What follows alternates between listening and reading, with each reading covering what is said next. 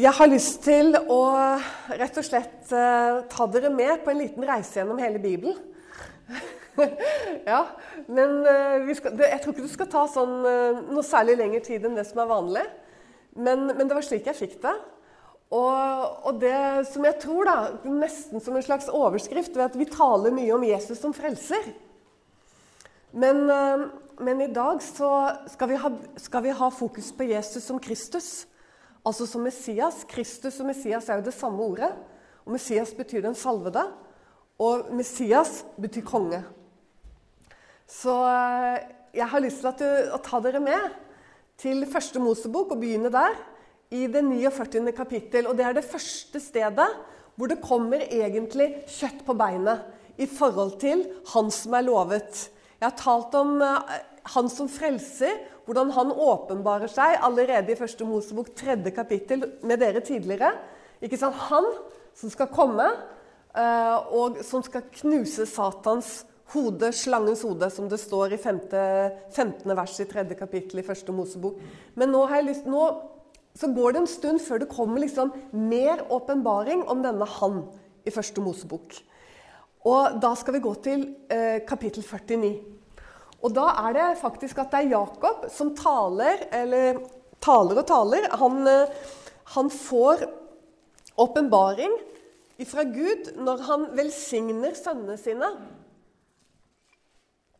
Jakob fikk tolv sønner, som ble til Israels tolv stammer. Og eh, nå før sin død så legger han hendene på hver av dem for å be for dem. Og når han kommer til eh, Levi, Eh, sin, altså sønnen Levi og Levis stamme, for de har jo allerede blitt til stammer på denne tid, eh, så kommer det disse ordene ut av Jakobs munn. Og det står det i det åttende verset. Der kan du lese Juda, deg skal dine brødre prise. Din hånd skal være på dine fienders nakke. For deg skal dine fars sønner bøye seg. En ung løve er Juda. Fra rov er du steget opp, min sønn. Han legger seg ned. Han hviler som en løve, som en løvinne. Hvem våger å vekke ham? Ikke skal kongespir vike fra Juda, ikke herskerstav fra hans føtter, inntil fredsfyrsten kommer og folkene blir ham lydige. Han binder til vintreet sitt unge asen og til den edle ranke sin aseninnens fole. Han tvetter i vin sin kledebånd og i druers blod sin kjortel. Dunkle er hans øyne av vin, og hvite hans tenner av melk. Utrolig. Tenk eh, hvor lenge hvor, hvor, hvor tidlig dette er. Hvor utrolig tidlig. Det er liksom eh, patriarken Jakob, ikke sant? Isaks sønn, som får denne åpenbaringen over Judas stamme, over Messias. Og så sier han til og med det at 'ikke skal kongespir vike'. Jeg syns det er så flott. Uh, la oss ta det bare en gang til. 'Ikke skal kongespir vike fra Juda'. Ikke herskerstav fra hans føtter, inntil fredsfyrsten kommer og folkene blir ham lydige. Herlig. Og når du tenker på, så går det jo eh, noen ganske mange hundre år før Moses får i oppgave å lede folket ut av, uh, ut av uh, Egypt. Og dere Hvis du leser fra 19. kapittel, 4. Mosebok 19. kapittel, kanskje i kveld eller en annen dag når du har tid til det, og bare legg merke til hvor mye kamp det er for jødefolket De heter jo ikke jøder ennå, men jeg kaller dem det for letthets skyld. Hvor mye kamp det er for jødefolket når de beveger seg igjennom de ulike folkeslagene på vei imot det lovede landet, på vei hjem igjen. Det er ganske utrolig. Og det er faktisk litt viktig å være klar over, fordi jeg vet ikke om du har uh, blitt uh, møtt med mennesker, kanskje ofte, oftest i hvert fall folk som ikke tror som, å, som kan begynne å si sånn at eh, ja, Gamletestamentets gud det er jo bare ikke sant, krig og vold, og denne javeguden det er jo forferdelig. Og, Og jeg vet ikke om du har hørt noe sånt, og jeg har i hvert fall fått dette, liksom folk som har sagt lignende ting til meg.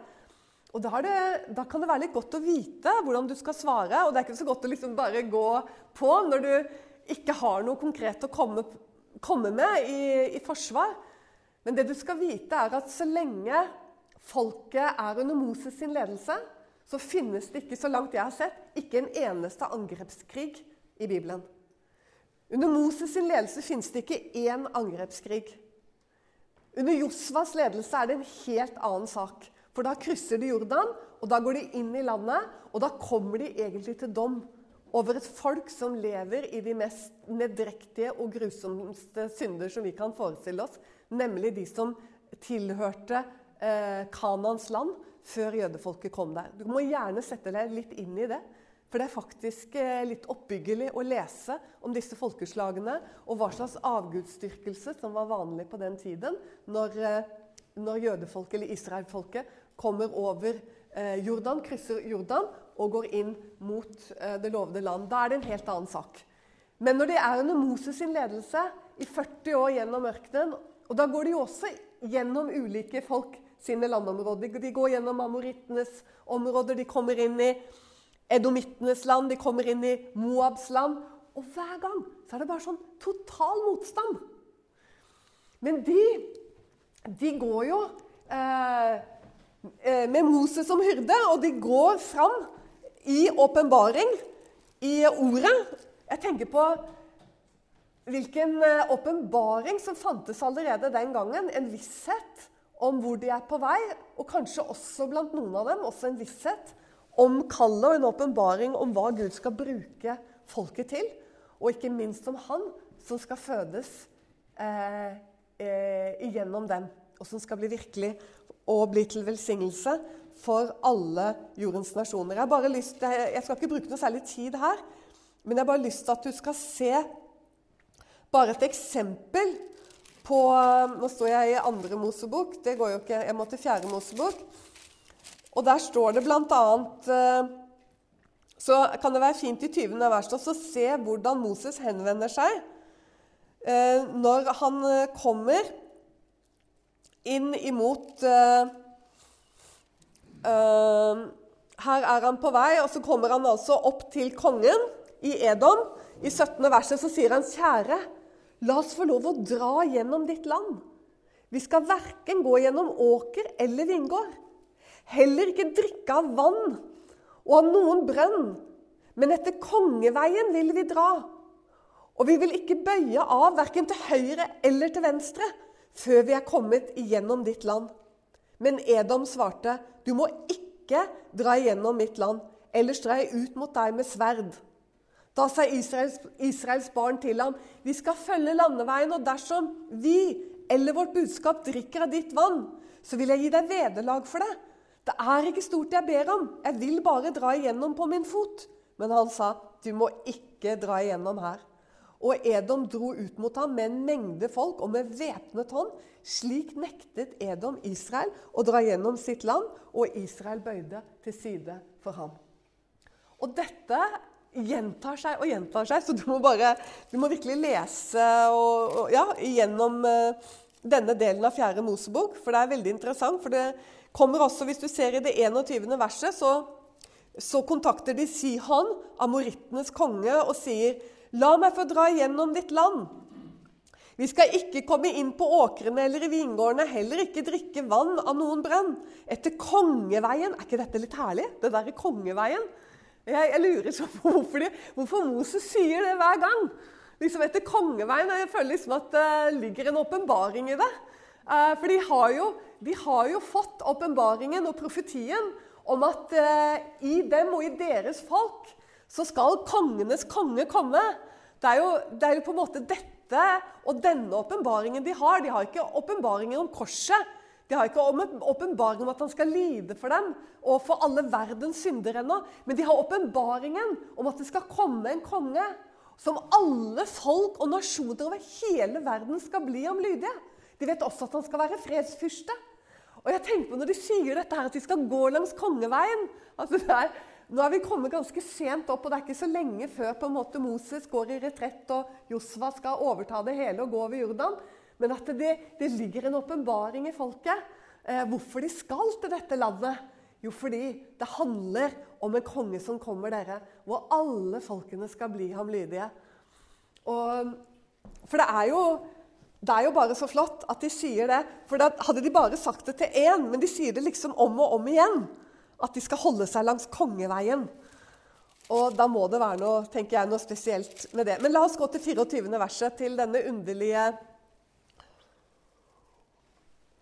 Til denne underlige Biliam. Profeten Biliam. Han er jo noe for seg selv. Og Vi kunne godt stanset ved han en god stund, men jeg tror ikke vi skal gjøre det. Men det, det er litt spennende med han. Og ikke minst så er det interessant i forhold til vår tid også. Og det å og på en måte Jeg tenker på at Jesus sa at eh, der hvor vårt hjerte er, Nei, der, hvor, der hvor vår skatt er, der vil også vårt hjerte være. Og når jeg hører det, så tenker jeg på Biliam. Fordi at det stakkars mann han hadde det sånn at skatten hans var egentlig et annet sted uh, enn hos Gud.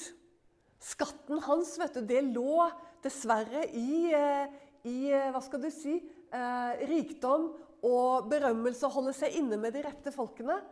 Og dette blir jo sånn ubehagelig Hva skal du si? Det kommer veldig tydelig fram da, etter hvert med Bilian.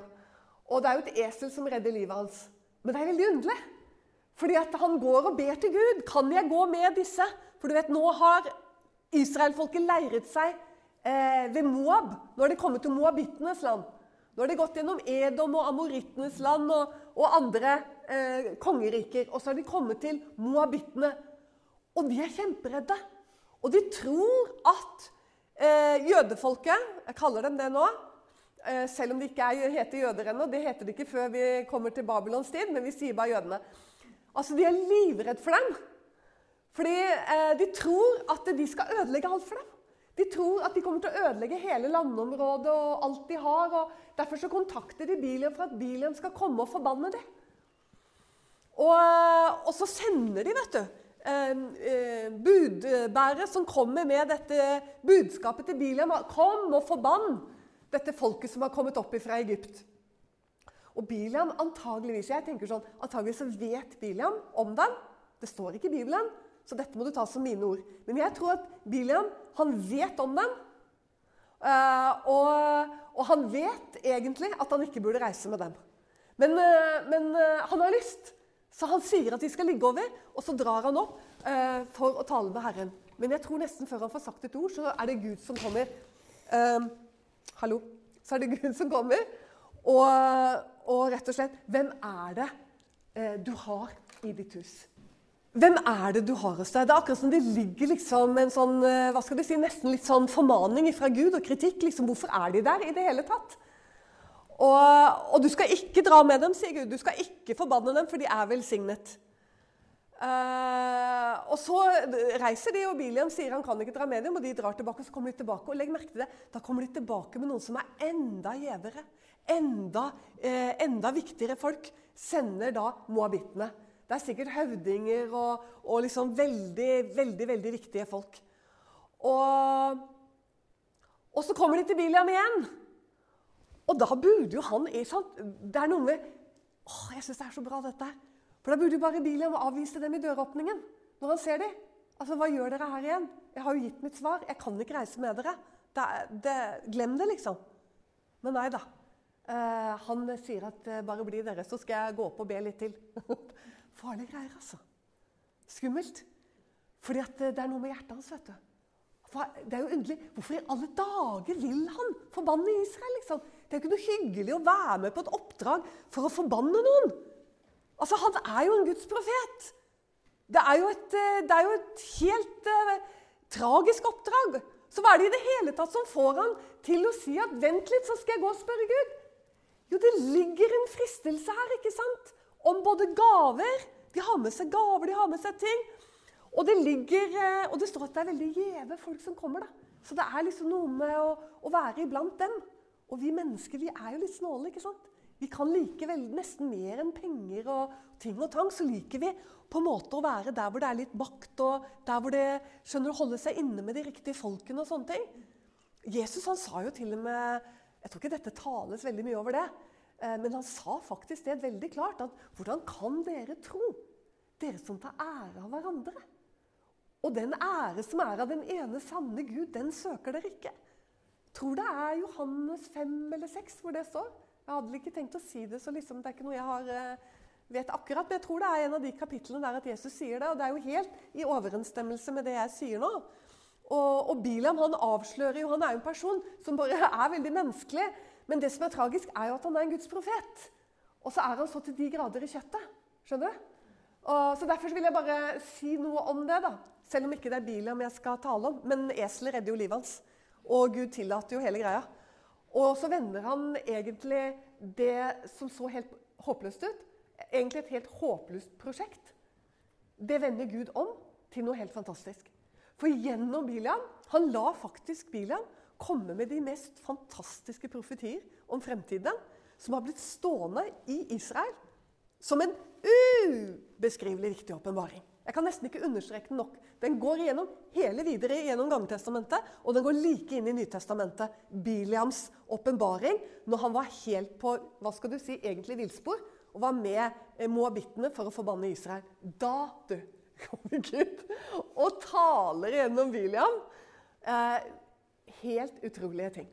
Og vi skal gå dit. Og det står i 4. Mosebok, i 24. kapittel. Og det var det jeg egentlig ville fokusere på. Det står nemlig Gud, åttende verset, førte ham ut av Egypt.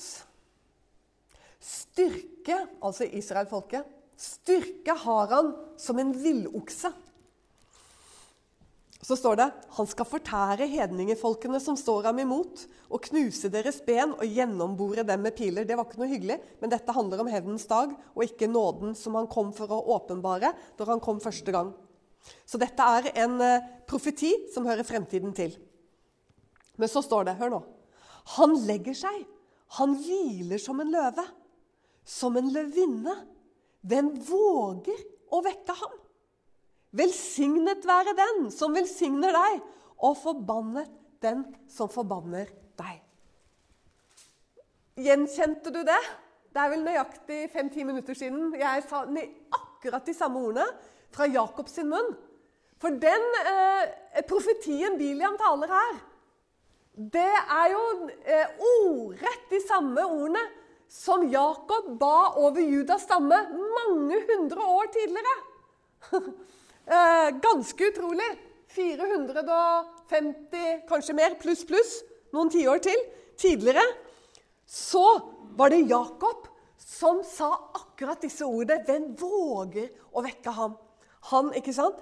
Han legger seg ned, han hviler som en løve, som en levinne. Hvem våger å vekke ham? Velsignet være den som velsigner deg, og forbannet være den som forbanner deg. Så kommer det litt lenger ned, i 17. Eh, verset, så fortsetter Biliam å profetere. Og så sier han, 'Jeg ser ham, men ikke nå.' 'Jeg skuer ham, men ikke nær.' En stjerne stiger opp av Jakob. Et spir løfter seg fra Israel. Oi. Jeg stopper der, for så kommer det noe litt sånn voldsomt igjen. Og for at ikke vi skal liksom bli opptatt av det, så holder vi oss på akkurat det som var viktig. Jeg ser ham, men ikke nå. Jeg skuer ham, men ikke nær. En stjerne stiger opp av Jakob.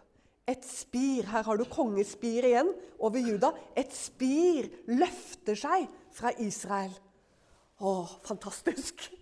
Så det kommer, du ser, du kan følge Messias gjennom Gammeltestamentet.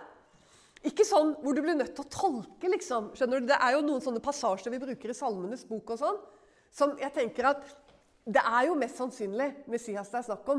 Skjønner du? Fordi, ja, Det er mest sannsynlig, det. Men, det. men det er ikke sånne steder som her. Som er sånn Det er Messias det er snakk om. Og det er de jeg liker. Jeg liker de hvor det ikke er, liksom, hvor det ikke er en liten grad av tolkning engang. Men det er Messias det er snakk om. Det er de jeg liker aller best. Og det er de jeg hadde så lyst til å ta dere med til. Og dere, nå ligger denne åpenbaringen i folket. Åpenbaringen. Nå har de fått det to ganger om kongespiret. Men nå har det kommet noe mer med Biliam. Det har kommet en stjerne. En stjerne som stiger opp av Jakob. Og dere, da hopper vi eh, ganske langt framover, og vi hopper helt nå til David.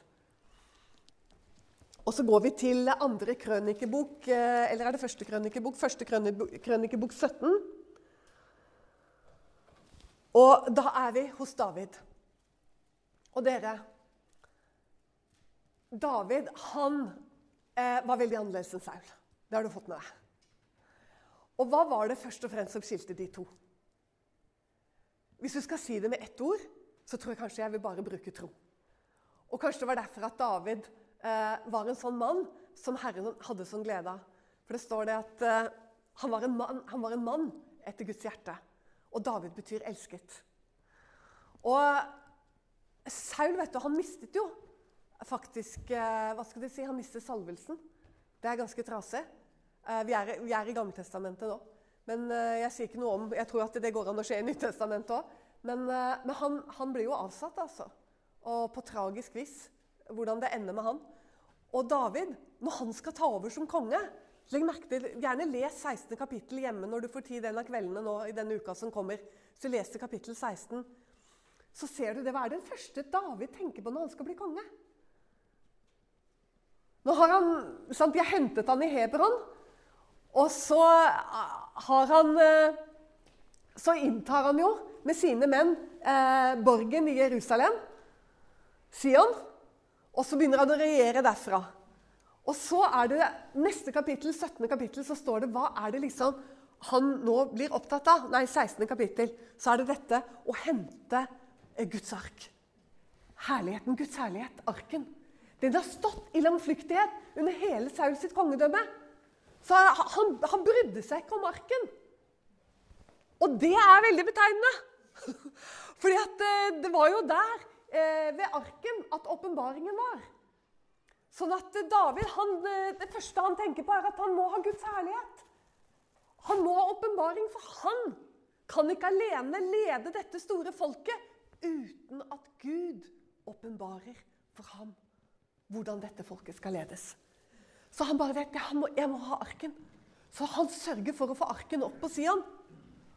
Og for å for at han skal kunne lede etter Guds på en måte veiledning og etter Guds åpenbaring. David vet at han må ha åpenbaring for å lede. Og dere, etter det så er det at det store skjer. Og jeg tenker at Gud har sikkert hatt så utrolig behag i at det var det første David tenkte på som konge. Det var liksom ikke å å, å, bygge noen fantastiske palasser eller telle alle soldatene i riket sitt. Det var ikke sånne ting David tenkte på. Det er det han tenkte på. Det er, jeg må ha åpenbaring. Jeg må ha Guds nåde over mitt liv. Jeg må ha Han opp her på siden. Jeg kan ikke lede dette folket uten Gud. Sant? Og da, dere, da er det at, uh, at Gud kommer og gir ham de løftene som gjorde at uh, de som var troende når Jesus gikk omkring. Du ser ikke bare én, men du ser både to og tre og fire og fem og flere. Når de gjenkjenner Jesus hvem han er, så sier de 'Du Davids sønn', roper de. For nå skal det komme enda mer åpenbaring. En kongespir, og at en stjerne løfter seg opp ifra Jakob. Og at fredsfyrsten skal komme. Nå skal det komme enda mer. Og det kommer med David. Og når David får besøk av Nathan en dag Du må bare lese og gå etter og, i Skriften senere og se at eh, alt jeg har talt, har vært Guds ord. Jeg har talt om dette før, så akkurat nå vet jeg hva jeg snakker om. Men du må bare kontrollere meg sant, senere. Vi tar ikke tid til å lese alt. Men så er det en kveld, tenker jeg, at det er på kvelden, så kommer Nathan på besøk, profeten Nathan, til David. Og da er David veldig inspirert. Fordi at eh, nå har han fått arken på plass, og sånn, og nå tenker han at han skal bygge et tempel for Gud. Han skal bygge et fantastisk hus for Gud. Så han legger ut om disse planene for Nathan. Og Nathan han eh, er eh, menneske, som oss. Og han eh, lytter nok ikke akkurat, som du sa, til hva Herren eh, sa om det. Fordi han er veldig rask til å uttale seg. Og så sier han eh, ganske kjapt, så begynner han å si til David Å, herlige planer, liksom. Nå snakker jeg litt godt norsk, da. Du får bare se akkurat åssen det står i Bibelen. Herlige planer, David! Å, sett i gang! Bygg huset! Dette høres knallbra ut. Gud velsigne deg. Noe sånt nå sier Nathan til David. Og David er sikkert da kjempefornøyd når han går og legger seg om kvelden. Og det er sikkert Nathan også, men Nathan får ikke sove, for Gud begynner å tale. og så sier Herren det er så utrolig bra. Han har jo sans for humor.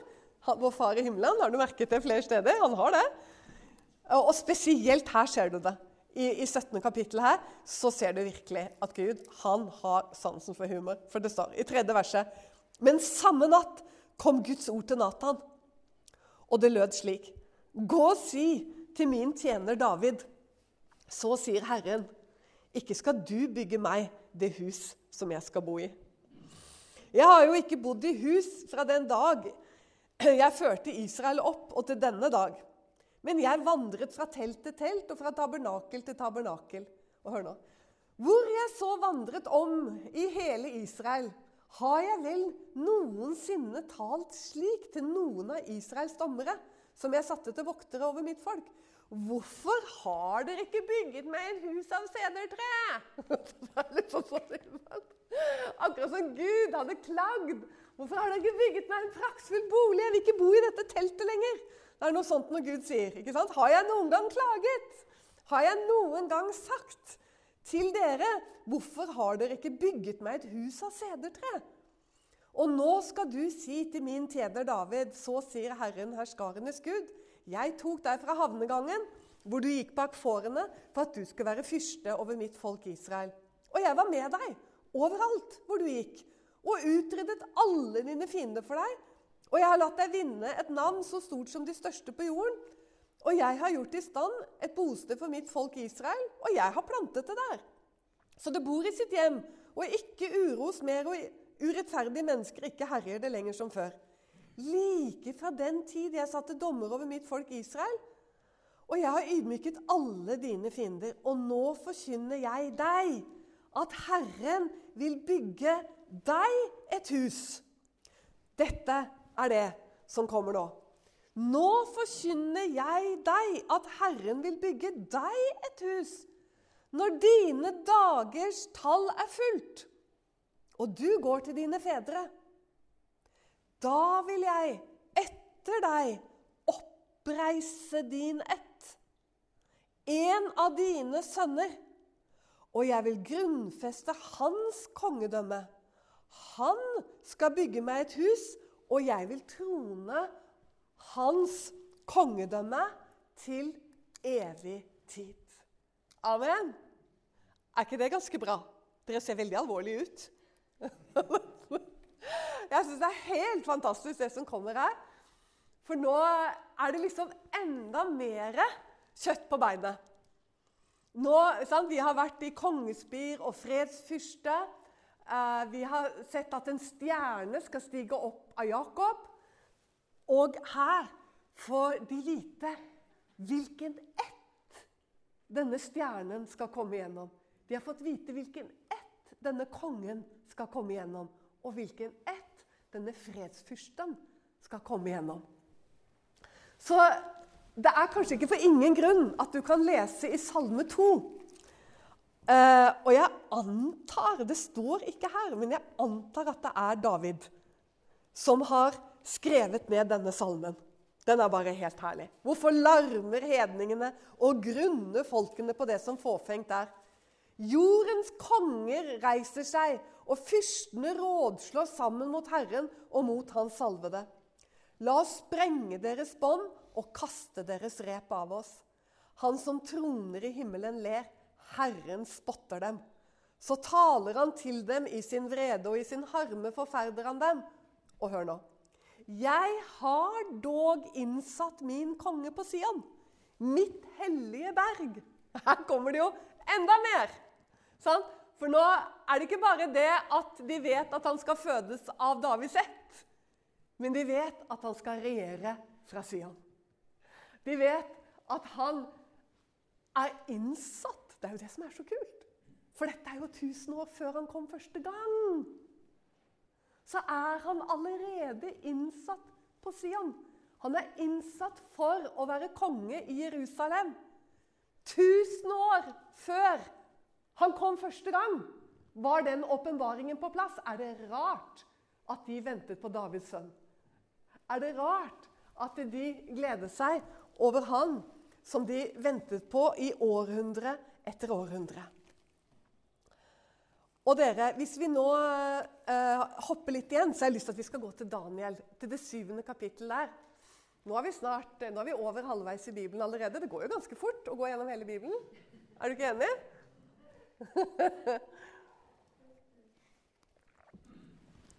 Nå er vi ved enda et sånt sted hvor du ikke behøver å tolke noe i Gamle testamentet for å finne Jesus. Jesaja 53 er jo et nydelig sted, men nå er det ikke som frelser vi skulle snakke om Jesus i dag. Vi skulle snakke om han som konge.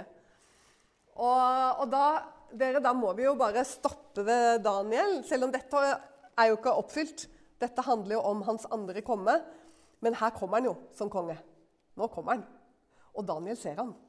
Og det er bare så fantastisk. Og hvis du ikke har lest dette, så tenkte jeg at dette må eh, Om det så bare er én som ikke har lest dette i Bibelen sin, så måtte du vite om det i dag. Og det står i Daniel i det syvende kapittel.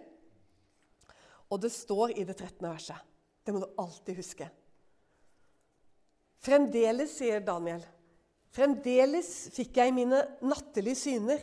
Se hvorledes en som lignet en menneskesønn, kom med himlende skyer. Han gikk bort til den gamle av dager og ble ført fram for ham. Og det ble gitt ham herredømme og ære og rike og alle folk etter og tungemål skulle tjene ham. Hans herredømme er et evig herredømme som ikke forgår. Og hans rike er et rike som ikke ødelegges. Er det ikke flott? Uh, du, den der er veldig fin. Hvis du, med, hvis du kommer i samtale med ja, si, religiøst troende jøder. Du vet, Det er veldig Messias-forventning i Israel i dag. Mye mer enn i Norge. Altså i, i våre menigheter. Det er mye mer. Det, du kan nesten oppleve innimellom at det koker på gatene i Israel når det er høytider. Og Noen ganger så kommer de vet, med sånne små lapper og som de stikker til deg. Og så sier de liksom sånn Ja, ta den der, og bare hold, hold de tingene som står der, så går det bra, liksom. Og så, og så leser jeg, så er det liksom de ti bud. da, skjønner du? Sånn? Ja, hvis du bare holder de, så, så, så, kan det gå bra. For du skjønner, Messias kommer snart. Han kommer snart. Det er stor forventning. Og det er jo det profetisk ord som gjør at jødene koker i dag. Det er virkelig sånn forventning. Og når du er der i løvetidfesten, og når, når presten, yppersteprestene liksom kommer for å velsigne det jødiske folk på, ved tempelplassen, altså ved muren på, det, er bare, det, er bare, så stort. Og det, det gjør de jo under løvetefesten. Og det er jo så fullt vet du, at du står som sild i tønne. Og da kjenner du denne utrolig utrolige forventningen om at Messias kommer. Men noen ganger når du kommer i samtale med dem om hvem denne Messias er, så blir du nesten helt eh, Da tenker du at det dekket Paulus snakker om, at jødene sant, har et dekke Når de leser Moses, sant, står det jo i, leser vi at Paulus sier Vet du hva? Jeg tenker at det dekket det må være, det må være nesten eh, vevd av Gud selv, altså. Fordi at du kan bli veldig forundret når du hører hva de sier jeg, jeg, spurte en gang liksom, ja, hvem tenker dere at han er, denne Messias? Ja, nei, Han lever sannsynligvis nå, det er bare at han har ikke åpenbart seg ennå. Og det kan jeg jo være med på. At han lever, og at han ikke har åpenbart seg for jødene. Men når de går videre da, og begynner å snakke om at eh, ja, det jo, kan godt hende det at han er politiker i Knesset, og sånn, bare at han har ikke stått fram ennå, da tenker jeg at eh, du store, tenker jeg. Du, jeg må jammen si at det der dekket, det, det, er ganske, det er ganske godt. Og dessverre så er det jo sånn at de leser altfor lite i Bibelen. De leser i rabbinske, rabbinernes litteratur, rabbinsk litteratur, og ikke i Bibelen. Men hør her, det er et fantastisk sted å gå. Hvis du kommer i samtale med en jøde som påstår at Messias kan eh, oppholde seg i knesset, liksom, så kan du betale med til David. Og så kan du lese fra de versene jeg leser nå. ikke sant? Så, så kanskje Messias får lov til å bli eh, noe større, for å si det sånn. Eh, eller hva? Eh, det trengs Guds ord, dere. Eh, og det er ikke bare kristne av hedningeætten som kan gå vill uten Guds ord. Det kan eh, i hvert fall jødene gjøre. Det er helt sikkert. For hvordan de har havnet der, det vet ikke jeg, for det står jo så uendelig mye om han i deres egen bibel. Så, så det, det, er bare veldig, veldig underlig. Men vi, la oss gå litt videre. Og så har jeg lyst til at vi skal stanse Ja, vi stanser ved Matteus evangeliet. For der står det, der står det noe fint ifra Vi leser jo gjerne juleevangeliet fra Lukas. Men i Matteus Det er veldig fint å lese det derfra også. For der står det noe vet du, som jeg vet ikke hvor mye du har tenkt over det. Dette med disse vise menn som kommer ifra Østen. Og hvorfor kommer de, da? Hvorfor kommer de til Jerusalem, disse vise mennene? En ting, Vi kan jo sitte og spekulere på hvem er de Bare det er en veldig interessant tanke. Og, og hvor langt borte fra kommer de? Og hvorfor i alle dager kommer de eh, til Jerusalem? Hva er det for noe? Hva er det de har fulgt? Stjernen. Og så er det så fantastisk, for de vet hvem den stjernen forteller om. For de sier jo det at eh, De sier faktisk, la oss ta det ordrett, vi har sett. Hvor er den jødenes konge som nå er født? Sånn, Så de vet at han er født. Hvor er den jødenes konge som nå er født? Det er liksom ikke sånn Er jødenes konge født? Nei, hvor er han som er født? Og så sier de Og hvorfor, hvorfor vet de det? Jo, de sier vi har sett hans stjerne i Østen. Det er ganske flott. Tenk hvilken åpenbaring som lå på denne tiden fra denne stjernen til Bilian. For vi har ingen annen stjerne å gå etter i Det gamle testamentet enn stjernen til Bilian. Nemlig, og nå, nå skjønner du liksom størrelsen på den åpenbaringen Bilian får. En stjerne stiger opp av Jakob. Så vi tenker på det som et bilde ikke sant, på kongen, på kongen. Men det er mer enn et bilde. Det er faktisk også noe som Gud har valgt å bruke helt konkret. En stjerne som han lar lede disse vismennene Hør her, Ikke bare at de leder han, jeg vet ikke hvor mange mil de kommer ridende på kameler til Jerusalem. Men ikke nok med det. Denne stjernen den fortsetter å gå foran dem og vise veien. Og så stanser den over det stedet i Betlehem hvor Jesusbarnet er. Det er ganske utrolig.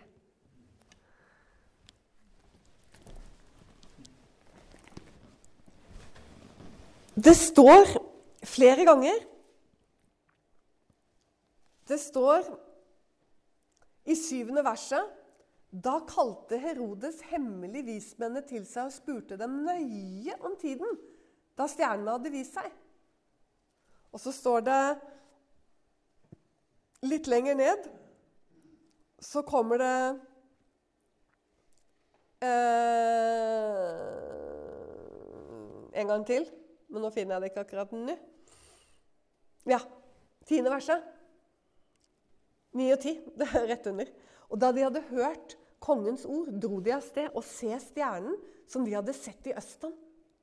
Jeg tenkte denne stjernen som skal stige opp av Jakob, den stjernen de hadde sett i Østen, gikk foran dem inntil den kom og ble stående over det stedet hvor barnet var. Og da de så stjernen, ble de overmåte glade. Åh, det er fantastisk.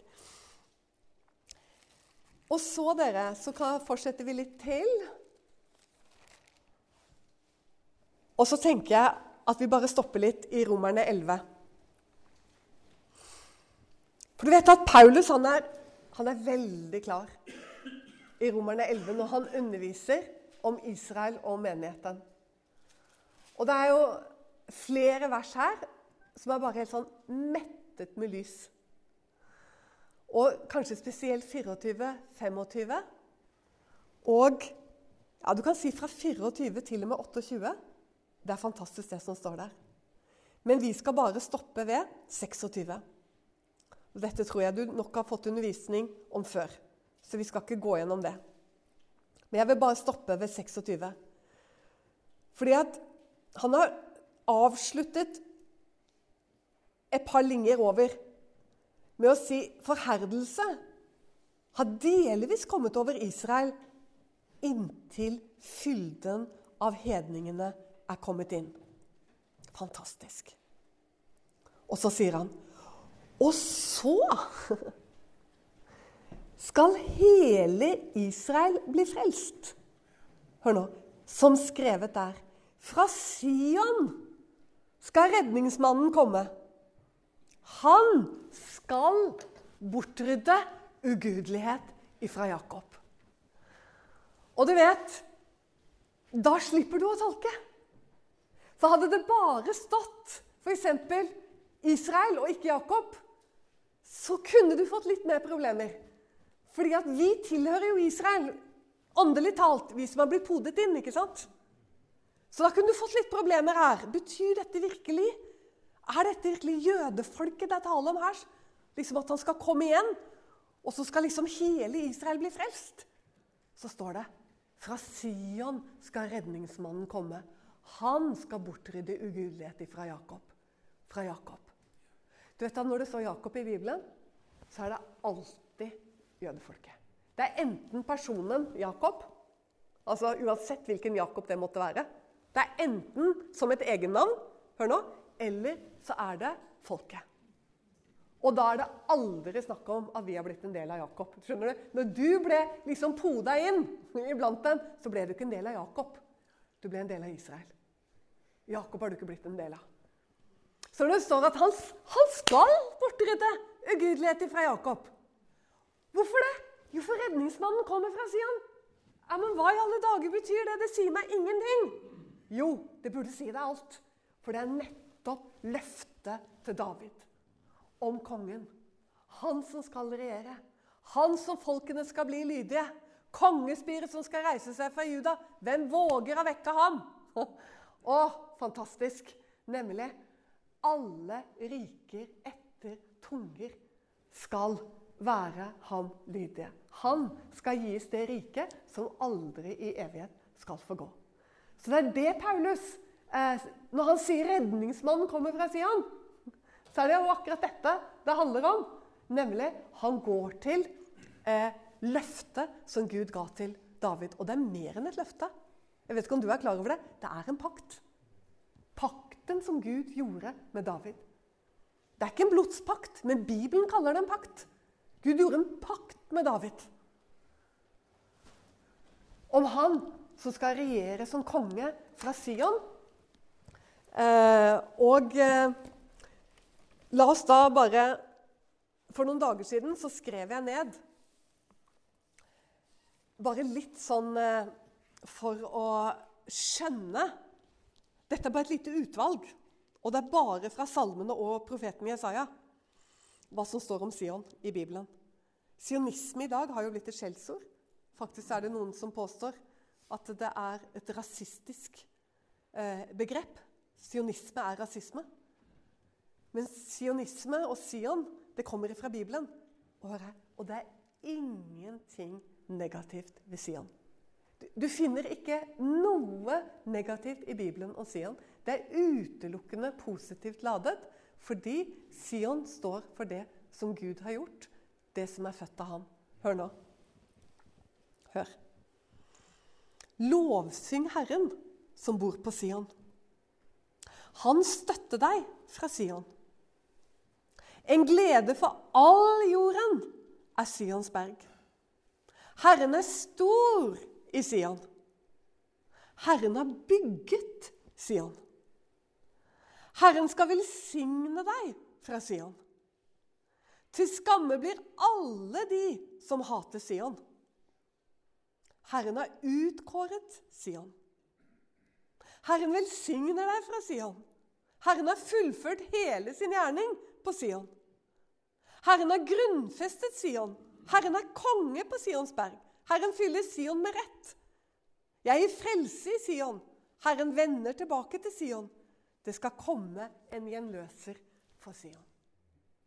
Det er bare et lite utvalg av alt det som står. Og så finnes det en egen salme som jeg kaller for Sion-salmen. Eh, og Den finner du som salme 87 i Bibelen. Og den er kjempefin. Og den er sånn Den stad han har grunnfestet på de hellige berg. Sions porter elsker Herren fremfor alle Jakobs boliger. Herlige ting er sagt om deg, du Guds stad. Jeg nevner Rahab og Babel blant dem som kjenner meg. Se filisteren og tyreren med etioperen. Denne er født der. Og om Sion skal det sies, hver og en er født der og han, den høyeste, gjør det fast. Herren skal telle når folkene blir oppskrevet, og si 'Denne er født der'. Og de som synger og danser, skal si 'Alle mine kilder er i deg'. Du skjønner det at Gud han har fullført hele sin gjerning for å frelse oss og for å komme igjen og for å være eh, konge her på jorden. Det er helt fantastisk. Vi må liksom, det, det virker for oss litt sånn, i hvert fall for meg, eh, dette med tusenårsriket. Eh, vi lever i verden, og det er ikke så godt for oss å forstå. Men det skal komme et rike. Og eh, og når du leser om det i profeten Jesaja ikke sant, i 11. kapittel der, eller i 66. kapittel hos Jesaja, og du bare leser uh, og, og, liksom Dette som vi ber ut i Fader vår Komme ditt rike. Ikke sant? Skje din vilje. Som i himmelen, så også på jorden. Der det skal skje. Han skal regjere ifra Sion. Det skal bli et fredsrike. Det står det at Herrens, Herrens uh, kunnskap skal fylle jorden. Liksom havet. Liksom uh, vannet dekker havets bunn, står det. Og masse, masse annet fantastisk som står om dette riket som kommer.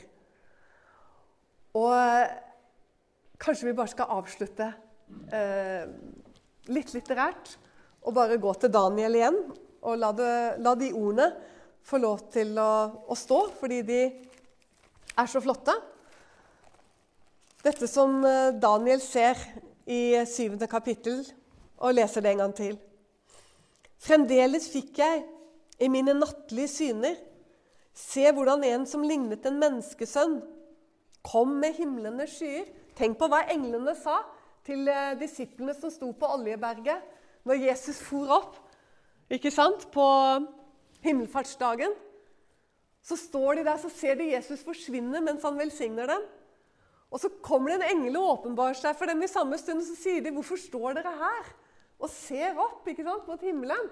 Han skal jo komme igjen, på samme måte som dere så han. Fare opp. På samme måte skal han åpenbare seg på ny. Og Det er jo dette dere, som Daniel ser her eh, i det syvende kapittelet. Fremdeles fikk jeg i mine nattlige syner se hvordan en som lignet en menneskesønn, kom med himlende skyer. Han gikk bort til den gamle av dager og ble ført fram for ham. Og det ble gitt ham herredømme og ære og rike, og alle folk etter og tungemål skulle tjene ham. Hans herredømme er et evig herredømme som ikke forgår. Og hans rike er et rike som ikke ødelegges. Amen. Herre, jeg bare takker deg for uh, du som er Ordet. Og jeg takker deg, Herre, for at uh, vi kan få lov til å se deg igjennom Skriften. Få lov til å se, Gud, uh, det som står skrevet om deg fra de tidlige tider. Og så kan vi glede oss, fordi det er så troverdig. Det er så fantastisk. Du som ble omtalt tusener av år før du kom første gang. Og nå, Herre, mot endens tid, i den siste nattevakt, vi som lever nå, som nesten kjenner at vi ja, kunne bli trette av mindre av å vente, Gud. Men jeg takker deg at ennå så er det nådens dag. Ennå så er det mulighet, Herre. Ennå eh, er det dag, og ennå kan vi få være lys i denne mørke verden for å gå ut og få vitne om ditt rike. Du sa jo til oss at vi skulle gå ut og forkynne Guds rike. At Guds rike er kommet nær. Herre, jeg tror det er viktig at vi forstår hvilket budskap vi har. Nemlig at vi skal forkynne Guds rike. At det er kommet nær, og at det er iblant oss. Og at alle, Herre, må vende om før det er for sent. I Jesu Kristi navn. Amen.